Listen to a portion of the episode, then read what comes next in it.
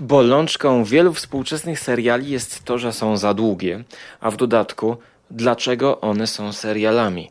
Wiele historii nie zasługuje na miano serialu, gdyż są po prostu bardziej gdyż opowiadają po prostu bardziej skromne historie. Jednakże wysyp i popularność tego formatu powoduje, że seriali jest za dużo, a jeżeli już w gąszczu znajdziemy coś dobrego, to odcinków jest za dużo względem opowiadanej historii. Oczywiście serial, sam serial jest po to, żeby się ciągnął, żebyśmy się zżyli z jego bohaterami. Ale jednak możemy wskazać takie produkcje, które e, szanują zarówno czas widza, jak i opowiadaną historię i zbytnio jej nie rozwadniają. Myślę, że reżyser Mark Romanek miał jak najbardziej podobne e, zamierzenia przy produkcji e, swojej nowego dzieła, czyli Tales from the Loop.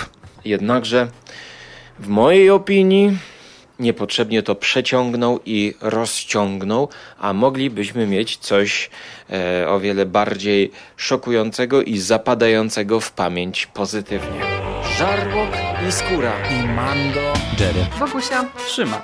oraz nasi goście. Konglomerat podcastowy. Wasze ulubione podcasty w jednym miejscu. zapraszamy. zapraszamy. Zapraszamy. Zapraszamy. Zapraszamy! Wygłosiłem kontrowersyjną tezę i teraz wszyscy będą słuchać, co on mówi, przecież jest tyle dobrych produkcji. E, Ale pozostawmy na boku moje opinie i skupmy się na opowieściach z pętli, ośmiodcinkowym serialu, który pokazał się równolegle mniej więcej do produkcji Alexa Garlanda pod tytułem Devs. Również o ośmiodcinkowej opowieści science fiction, która e, jakoś w naukowy sposób e, próbuje pokazać e, historię w, w tle z nauką, z fizyką, z fizyką w tle właściwie. Mark Romanek to człowiek od teledysków. Pamiętam, jak e, usłyszałem recenzję Never Let Me Go z 2010 roku w tygodniku kulturalnym. Ym, To nie był jego debiut, bo zrobił jeszcze pełnometrażowy film e, w 85, jednakże taka wypasiona produkcja z e, gwiazdami Kerry Mulligan, Andrew Garfield, e, Kira Knightley to było coś, co e, odbiło się sporym echem. Ekranizacja opowieści Kazuo Ishiguro. No i scenariusz właśnie był napisany przez e, jak nikogo innego jak Alexa Garlanda. E, nie, nikogo innego, nikogo innego, nie kto innego jak Alexa Garlanda. Nie wiem, jak to się powinno wymawiać. Opowieść romantyczna, podszyta science fiction, opowiadająca o paczce przyjaciół i wielkich miłościach. Oglądałem to właśnie mm, zaraz po premierze, 10 lat temu. Pamiętam, że science fiction było tam wprowadzone w niezwykle delikatny sposób, gdyż to była historia o nawet nie o androidach, ale osobach sklonowanych bodajże. Chyba też wchodził tam element wszczepienia pamięci, e, coś takiego. To był film taki melancholijny, sentymentalny, z delikatną muzyką na pianinie, rozciągnięty, godzina 40 minut. Jednak wspominam go mm, dosyć pozytywnie, bo wtedy takiego science fiction z science fiction, gdzie na pierwszym planie był dramat obyczajowy, e, trochę mi brakowało. E, Tutaj na IMDb można zobaczyć zdjęcia, że Alex Garland też był na planie. Tak więc e, nie bez kozery przypominam tutaj Devs. Teraz Mark Romanek to człowiek od teledysków. Wyreżyserował ponad 70 teledysków. Takich gwiazd jak Mick Jagger, Macy Gray, Coldplay, U2, Jay-Z, R.E.M., Fiona Apple, Nine Inch Nails, Perfect Drag to jego, Lenny Kravitz, Madonna, Iggy Pop, Morrissey, David Bowie, Katie Lang, e, to lubię ją, i także e, teledysk Johna Kesha, Hurt. To jest ten Hurt, to jest właśnie jego. E, ma on rękę do teledysków. Zwykle jest to kręcone właśnie w taki sposób, powiedziałbym, wizu wizualnie zapamiętywany. Na przykład właśnie utwór Mika Jaggera, God Gave Me Everything w 2001 roku stosował technikę kręcenia tak zwanego snoricam, czyli kamery przytwierdzonej na stałe do aktora, która niczym takie POV kogoś patrzącego na aktora, tańczącego z aktorem. Czyli to jest um, snoricam jest przytwierdzone za pomocą m, bodajże na pasie, to, to się taki y, przytwierdza taką konstrukcję i jeżeli aktor spojrzy w lewo, i przekręci się w lewo, to my widzimy właśnie tego Mika Jaggera, który chodzi tam gdzieś po ulicach i wchodzi do e, supermarketu i, i cały czas patrzymy na niego tak jakby z dołu. Dodatkowo takie rybie oko, kąt jest zaostrzony, no i jego teledyski zapadają w pamięć.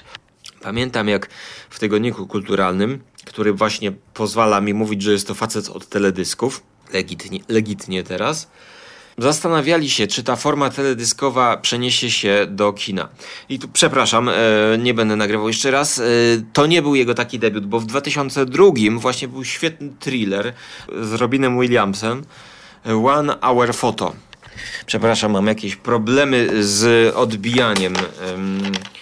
Musimy zrobić przerwę.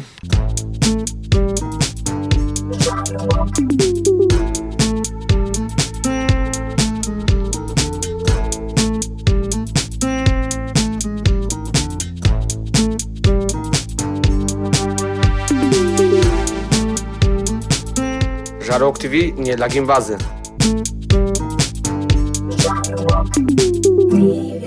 Za niski statyw miałem i ym, za bardzo się nachylałem nad mikrofonem i stąd jakieś ym, trudności. Teraz będzie już perfekcyjnie, na pewno będzie perfekcyjnie. Właśnie 2002 rok to jest no, świetny thriller z Robinem Williamsem, który, który gorąco polecam. Bardziej taki hollywoodzki film niż Never Let Me Go, stonowany i, i taki bardziej w stylu Sundance. E, natomiast e, właśnie on reżyseruje tylko pierwszy odcinek opowieści z pętli, ale jest producentem wykonawczym i opowieści z pętli są przesycone duchem e, właśnie twórczości Romanka, szczególnie Never Let Me Go. Osiem odcinków, gdzie każdy odcinek jest, no, czasami dochodzi do 55 minut. One są za długie. Zyskałyby, gdyby to były historie 25-minutowe maksymalnie. Ale, ale, czy tutaj jest duch Alexa Garlanda? W pierwszym odcinku. Najpierw powiedzmy, że to jest serial do oglądania od początku do końca. E, oczywiście można uciec w pewnym momencie, ale to nie jest strefa mroku, żebyśmy na dowolny odcinek trafili. Chociaż, chociaż teoretycznie można by tak zrobić. Jednakże e, jest to zaprojektowane tak, że w pierwszym odcinku poznajemy e, Rebekę Hall wraz z jej rodziną, młodą Rebekę Hall, e, która znika i następnie wraca pierwszym odcinku e, w roli narratora, takiego starszego dziadka, widzimy człowieka, który stworzył tytułową pętlę, który wprowadza nas, mówiąc, że opowieści z pętli to opowieści o ludziach, którzy żyją w takim terenie, przy fabryce, a właściwie jakimś instytucie naukowym, który zajmuje się fizyką, gdzie jakby wszystko jest możliwe i dzieją się różne dziwne rzeczy. And I'm the founder of the Mercer Center for Experimental Physics, which was constructed here beneath the town of Mercer, Ohio, and which is referred to locally as the Loop. Its purpose to unlock and explore the mysteries of the universe. As a result of our unique research, you will see here sites that, well, you'd say were impossible. Everyone in town is connected to the loop in one way or another and you will come to know many of their tales. Ci ludzie, którzy żyją wokół, będą doznawać dziwnych zjawisk fizycznych. czasoprzestrzennych zawirowań, stąd tytułowa pętla, podróży w czasie, e, różnych dziwnych zjawisk. Ten świat e, stworzony jest, e, jest to świat przyszłości, którego takimi jedynymi wyróżniającymi się cechami są konstrukcje w scenografii, konstrukcje typu jakieś wielkie silosy, cztery razy większe, albo może i 10 razy większe niż zwykłe typowe silosy na e, terenach mm, Ameryki, terenach e, powiedzmy nawet wes- westernowych. Te silosy mają współczesny design, typowy dla Alexa, filmów Alexa Garlanda. Lokacje, w jakich jest to kręcone, to są w głównej mierze tereny wiejskie. Mamy tutaj lasy, jakieś e, łąki, e, jeziorko, chyba małe rzeczka, pola, właśnie pola, tak jakby jest to podkreślone, e, stodoła, szczególnie w odcinku z tym kowbojem, który naprawia jakiś taki kombajn, czy taką żniwiarkę do zboża. Sielskie klimaty, wiejskie, poza miastem, nie mamy tutaj żadnej metropolii pokazanej. Gdzie nie, gdzie chodzą roboty, konstrukcje typu e, T-Rex, e, takie jak z Gwiezdnych Wojen, no ale też mamy bardziej niewidoczne elementy science fiction, typu jak jakiś, jakaś, jakiś guzik, jakaś maszynka, jakiś, jakieś pudełko, którego po naciśnięciu zatrzymuje się czas. I właśnie te elementy są gdzieś w tle. Obserwujemy od pierwszego odcinka raczej zmagania ludzi właśnie w relacjach między sobą. Obserwujemy e, piękną Rebekę Hall, e, która znika i wraca. I właściwie ja ten serial oglądałem na przestrzeni miesiąca, bo no niestety mm, jest wymagający, jeśli chodzi o to, żeby mu poświęcić czas i się wkręcić. I teraz już może też dobrze, bo nie będę spoilerował i nie będę zdradzał na czym polega ten twist pierwszego odcinka. Ktoś tam znika, potem okazuje się właśnie, że jest gdzieś tam czyjaś matka, ale, ale to nie jest ważne, e, bo to jest jakby twist tylko w pierwszym odcinku.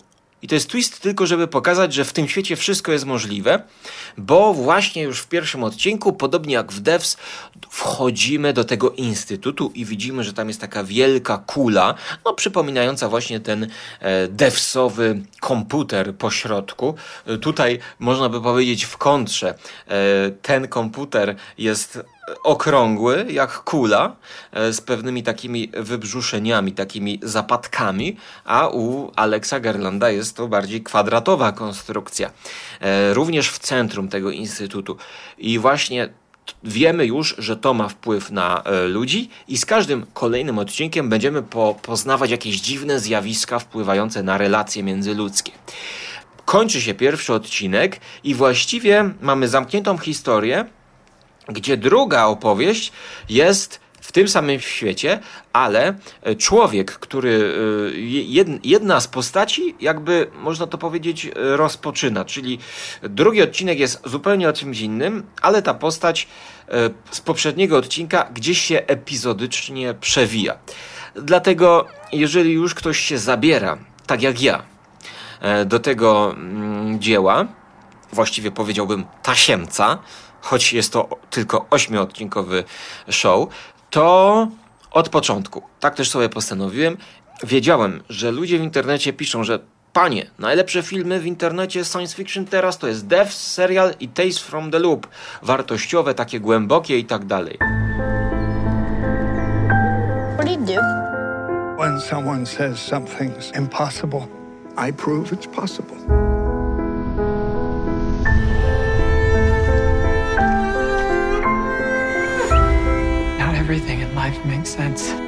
Po pierwsze, design robotów, który na wszystkich plakatach jest em, pokazywany, może rozczarowywać. Gdyż to nie jest taki film, gdzie te konstrukcje pełną w ogóle jakąś znaczącą rolę.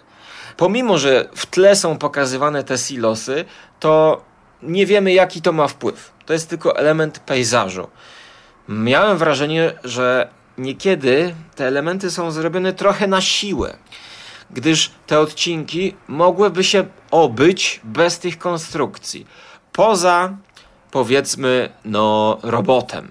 Kiedy to duch chłopca wchodzi w postać robota i komunikuje się ze swoim braciszkiem.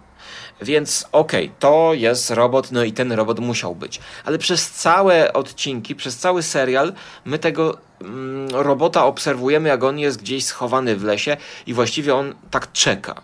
I nie wiemy, do czego to doprowadzi. E, jednym z najbardziej takich stonowanych e, użyć symbolu ze świata science fiction jest po prostu kula.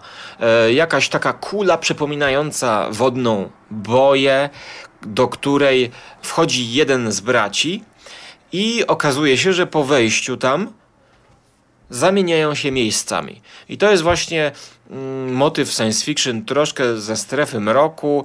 Tutaj nie potrzeba żadnych efektów specjalnych. Kamera płynnie wlatuje do tej boi, mamy cięcie i następuje jakaś zmiana w rzeczywistości, gdzie dwóch, właściwie, przepraszam, nie braci, tylko dwóch kolegów, przyjaciół największych, zamienia się miejscami, czyli ich osobowość, ich dusza zamienia się ze sobą, czyli oni są w przeciwnym ciele.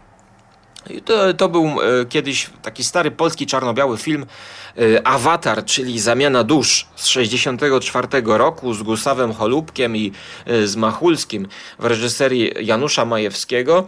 Godzinny film, taki no właśnie science fiction z podobnym motywem, gdzie jest zamiana po prostu we wnętrzu ludzi.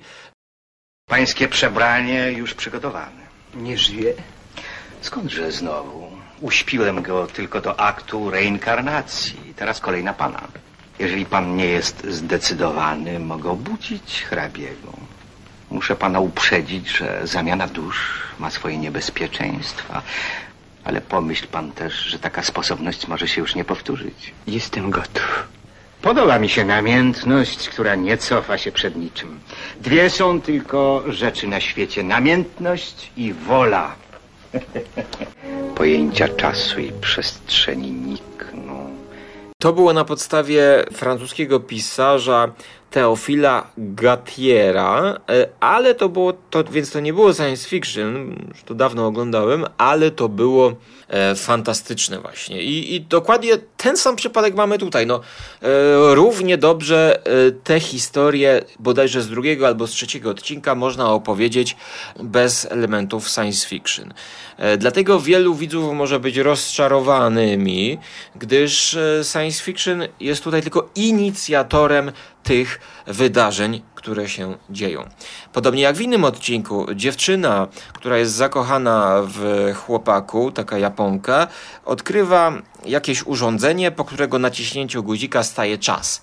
No i ona zatrzymuje ten czas, wszyscy stają i ona może wtedy bezpiecznie spędzać z chłopakiem czas, e, chodzić po całym tym świecie, kiedy, kiedy wszystko stoi. Oczywiście tak jak w strefie mroku, wszystko ma swoje też e, drugie oblicze, awers i rewers. No nie zawsze jest to bardzo negatywne oblicze, ale jest to takie właśnie z ducha czas upływa, wszystko mija, leci, włącza się taki sentymentalizm podbudowany przez muzykę na pianinie i w tle zawsze grają skrzypce. Muzyka jest e, Filipa Glasa, no dlatego można powiedzieć tak, to się wszystko dłuży, pół żartem, pół serio. E, muzyka Filipa Glassa i Paula Leonarda Morgana. E, nie wiem, czy tutaj Philip Glass specjalnie komponował na potrzeby filmu, czy to są jego wcześniejsze dzieła, ale to jest takie typowo Filipowo-glasowe.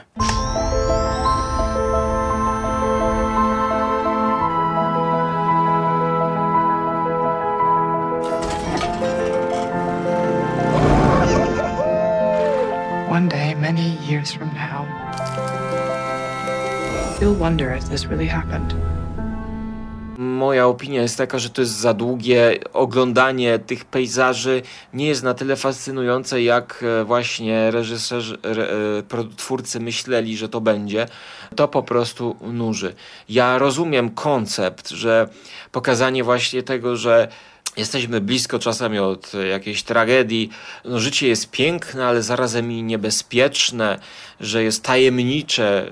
Takie właśnie poczucie życia poprzez e, format science fiction jest tutaj dane widzowi. Poczucie życia takie właśnie to jest, to jest próba, żeby pokazać życie współczesne za pomocą elementów science fiction i tutaj science fiction zwykle pokazuje teraźniejszość poprzez przyszłość. A tutaj nawet nie jest pokazany stosunek twórców do teraźniejszości, ale takie powiedziałbym właśnie ogólne, życiowe e, sensy w stylu szanuj życie, szanuj drugiego człowieka, ciesz się chwilą, ale z szacunkiem dla, dla tego, co masz. E, też ciekawy przykład e, podróży w czasie, choć e, może motyw tutaj homoseksualny trochę na siłę, nie wiem, ale, ale też właśnie pomieszanie wątku y, gejowskiego z podróżą w czasie, albo właściwie do innego wymiaru. Więc no, tego typu tematy są to poruszane. Ja powiem tak, że naprawdę, no muszę się powtórzyć, ale ten film byłby super, w porządku, gdyby nie te, ten długi format. Naprawdę to się ciągnie jak flaki z olejem. 20 minut i te historie można by opowiedzieć. Zdjęcia są ładne, kolorowe, takie piaskowe, właśnie nawet trochę westernowe, ale dlaczego na Boga to musi tyle trwać? Dlaczego? Na stole montażowym podejrzewam, że oni tak siedzą i myślą, no to ładnie wygląda, no tak, no życie trwa, wiecie, upływ czasu, trzeba to pokazać, więc, więc pokażmy to długie. No, z dwóch tych seriali wyżej postawiłbym Devs. Natomiast dlaczego ja w ogóle się zgodziłem to oglądać? No i tutaj właśnie taki twist. Siódmy odcinek. Wyreżyserowany nie przez kogo innego. I znowu, kurde, nie nikogo, przepraszam, sprawdzę Google. Wyreżyserowany przez nikogo, kuźwa. Wyreżyserowany przez nikogo innego jak T. Westa, czyli jednego z najlepszych reżyserów e, horroru współcześnie. Em, twórca chociażby znakomitej stylizacji The House of the Devil. Ja oglądałem miesiąc. Ja zapomniałem, po co ja to zacząłem oglądać. I kiedy zacząłem oglądać siódmy odcinek, który jest właściwie takim horrorem, biorącym na warsztat mm, motyw Frankensteina, przerabiającym e, Frankensteina, e, topos Frankensteina na robota, zaskoczyło mnie, jak zobaczyłem napisy końcowe. T-West to wyreżyserował. A no tak, jest to najlepszy odcinek. Najbardziej mroczny, najciekawszy, e, choć też niestety za długi. To jest, I tutaj w tym wracamy, wyobraźcie sobie, do e, postaci znowu z pierwszego odcinka. Rebecca Hall żyje ze swoim mężem, oni mają dzieci, no i zaś te dzieci, które mają przyjaciół, to ci przyjaciele są jak w osobnym odcinku, te dzieci są w osobnym odcinku. Każda część rodziny, można powiedzieć, ma swój segment. Więc oglądać trzeba to od początku do końca. Szczególnie, no ja teraz widzę, że gdybym wyrwał siódmy odcinek T-Westa, obejrzał y, osobno, no to nie znałbym tych kontekstów trochę. Ale trzon tego to historia dzieciaków, i tutaj jakby mamy reminiscencję, cofamy się, jak dzieciaki trafiają na wyspę, gdzie tam podobno jest coś strasznego, i na tej wyspie zostawiają w ramach głupiego żartu jednego z, ze swoich kolegów, i on tam zostaje. Musi się bronić na wyspie sam przed jakimś złem. Początkowo jest to jakiś potwór em, rodem z horroru Black Monster, znaczy Swamp Thing albo potwór z Czarnej Laguny. E, Jest to pułapka dla niego, nie ma łódki, nie może uciec. Widzimy tam robota świetnie pokazanego.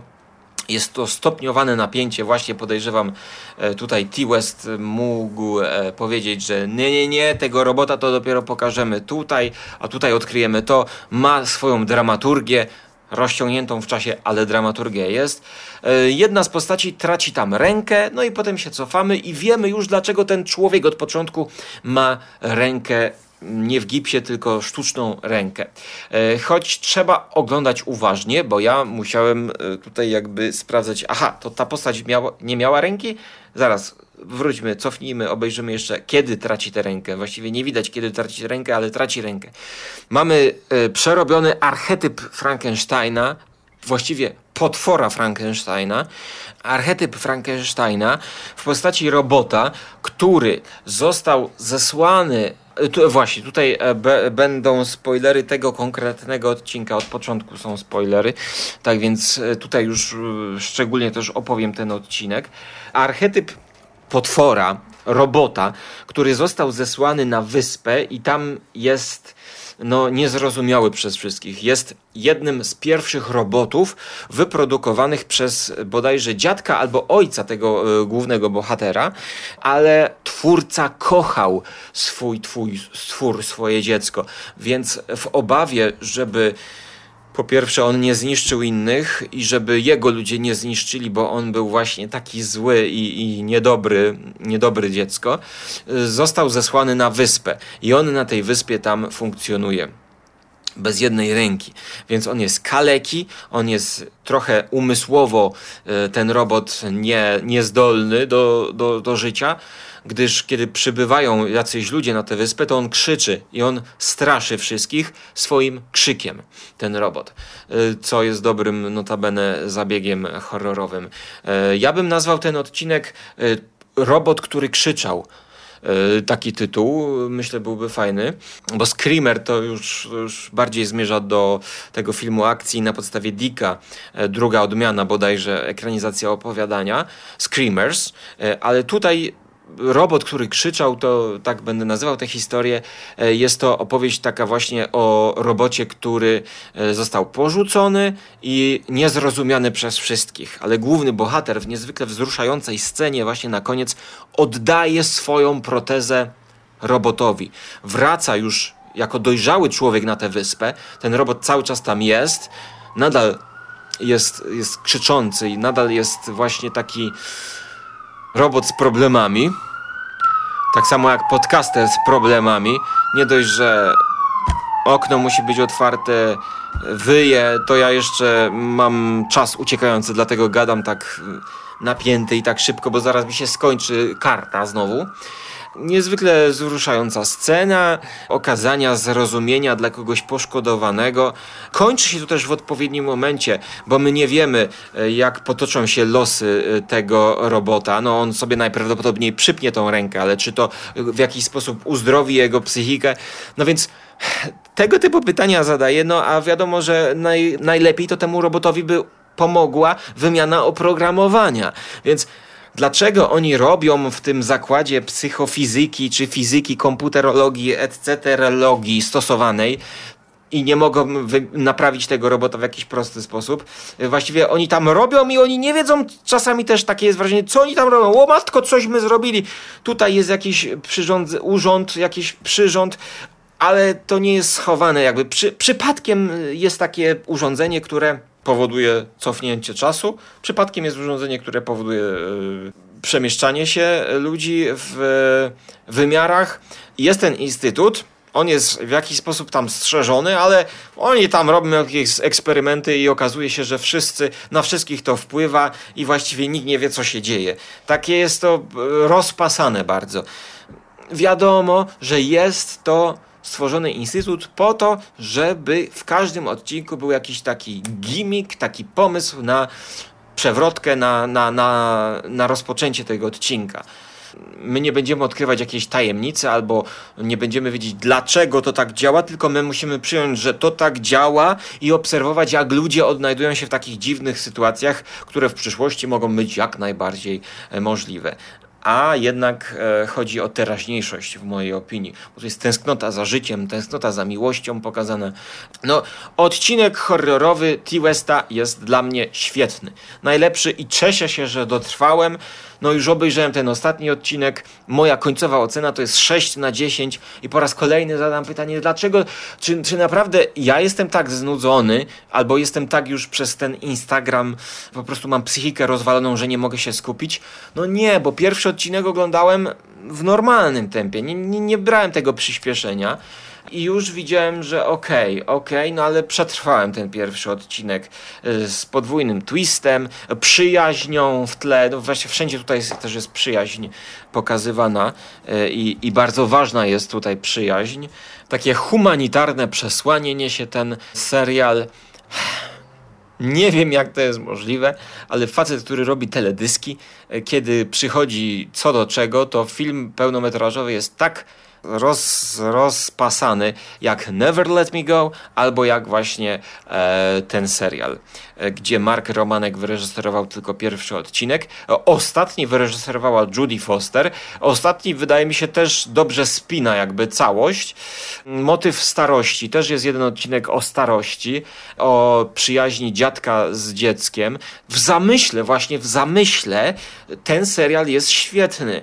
Pokazuje rodzinę, wszelkie relacje, relacje międzyludzkie, zarówno w sferze rodziny, czyli mąż, żona, dzieci, potem dziecko versus matka, to w pierwszym odcinku Rebeka Hall, dziecko versus matka, potem dziecko versus dziadek, co czuje dziadek do dzieci, następnie relacje y, koleżeńskie, potem znowu relacje między dziewczyną, y, potem relacje starzenia się i potem relacje już nie pamiętam jakie, ale bam, wchodzi horror, wchodzi horror, y, element Frankensteina, bam, pod koniec wchodzi to przeniesienie dusz, czyli odkrycie brata w ciele robota, znowu taki transhumanizm być może, pokochaj innego, niezależnie jaki on jest, no takie wiecie, no, współczesne przesłanie, w zamyśle to z każdej strony pokazuje człowieka, powiedzmy dzisiaj, z jakimi tutaj może się stykać problemami i, i, i jakimiś dylematami moralnymi, ale to wszystko musi płynąć w duchu Never Let Me Go. Więc never, never give me a serial like this. Bo ja chciałbym, żeby to trwało po 20 minut i to czekałbym wtedy na kolejny sezon. A tak to będą się zachwycać w tym w komentarzach, że to jest najbardziej wartościowy serial. No i może on jest wartościowy, ale ciężko się go ogląda. 6 na 10. Rzeczywiście postawiłbym go zaraz po e, Devs, ale jest to ciężkie i już powiedziałem wszystko.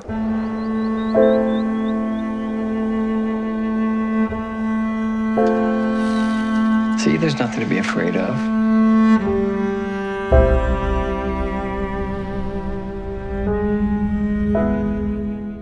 Jeszcze chciałem powiedzieć na koniec, że ten design i spo, sposób, w jaki jest umieszczony w tej całej scenografii te, te elementy science fiction, przypomina mi sferę graficzną gry pod tytułem Scythe.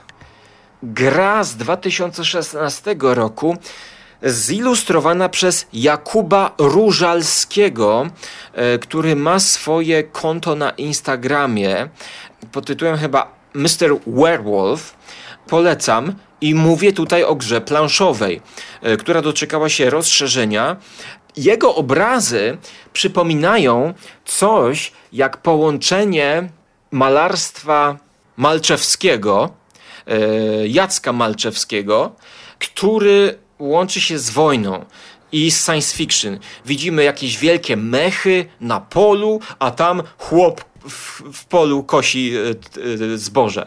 E, I to jest na okładce gry Scythe, którą niestety nie miałem okazji zagrać, ale to jest ponoć eurogra z lekkim elementem wojennym. Pięknie zilustrowana, ale właśnie z tego, co y, moi znajomi gracze mówili, no to y, te wszystkie mechy i ta cała ekranizacja, to równie dobrze to mogłoby być opowieść o starożytnym Rzymie i ta gra też by się spinała. Więc te mechy jakby są w tle, tak jak ta karetka pogotowia, która już drugi raz przerywa dzisiejszą audycję. E, I tych mechów mogłoby tam zupełnie nie być. Sposób umieszczenia elementów e, ze świata science fiction i z przyszłości w tym świecie jest taki właśnie jak w Scythe pod względem praktycznym, y, wizualnym powiedziałbym i także ideowym. To jest w tle i bez tego mogłoby się to obyć. Podobnie jest y, z naszym dzisiejszym serialem i podobnie jest jak Scythe. Jednak w Scythe mam możliwość zagrać w przyszłości, bo moi znajomi planszówkowi mają to na swoich półkach. Gra wymagająca dwugodzinna minimum, więc może omówię to w osobnym odcinku poświęconym tej grze, jeśli uda mi się w końcu zagrać. I również wtedy też na pewno powiem więcej o szacie graficznej, która jest w, mm, na tle produkcji planszówkowych e, wybija się, wybija się i tutaj dzięki e, Polakowi e, to jest, to jest, to jest możemy być dumni, a gra jest z, zagranicy. To jest Jerego Stegmajera, bardzo znanego producenta, m, znaczy twórcy, twórcy gier, który, który nadal sobie dobrze radzi, więc ja polecam właśnie sprawdzić y, po serialu albo po samych plakatach, jak wygląda gra Scythe, Scythe z 2016. Tyle na dzisiaj, muszę szybko kończyć, bo widzę, że miliona miga i kończy się i wchodzę w pętlę, bo znowu mi się kończy karta i będę musiał czyścić. Trzymajcie się ciepło i do usłyszenia w przyszłości i mam nadzieję, że będzie lub i kolejny podcast wróci i wróci kolejna audycja, ale już zmieniona, zlupowana, ale z innym materiałem. Cześć, miło było do Was gadać. Papa. Pa. It's over! Nothing is over!